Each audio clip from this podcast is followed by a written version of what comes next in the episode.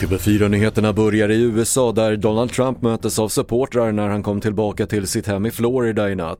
Ex-presidenten som nekar till samtliga 34 åtalspunkter av bokföringsbrott använder domstolsprocessen till sin egen fördel och tycks vara övertygad om att han blir republikanernas presidentkandidat. Our justice system has become lawless. They're using it now in addition to everything else to win elections. This fake case was brought only to interfere with the upcoming 2024 election, and it should be dropped immediately. En man i 20-årsåldern skottskadades i natt i Haninge söder om Stockholm efter att tidigare under kvällen kidnappats i Salem. Mannen ska ha skjutits när han flydde från gärningsmännen och enligt polisen greps två personer i området där mannen sköt som man utreder kopplingar till andra våldsdåd i regionen.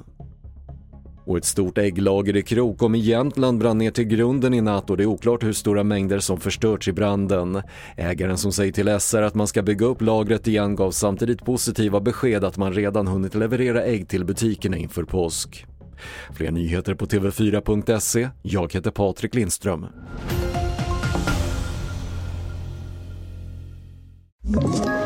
Ett poddtips från Podplay.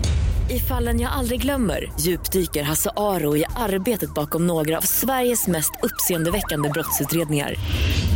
Går vi in med hemlig telefonavlyssning och, och då upplever vi att vi får en total förändring av hans beteende. Vad är det som händer nu? Vem är det som läcker? Och så säger han att jag är kriminell, jag har varit kriminell i hela mitt liv men att mörda ett barn, där går min gräns. Nya säsongen av Fallen jag aldrig glömmer på Podplay.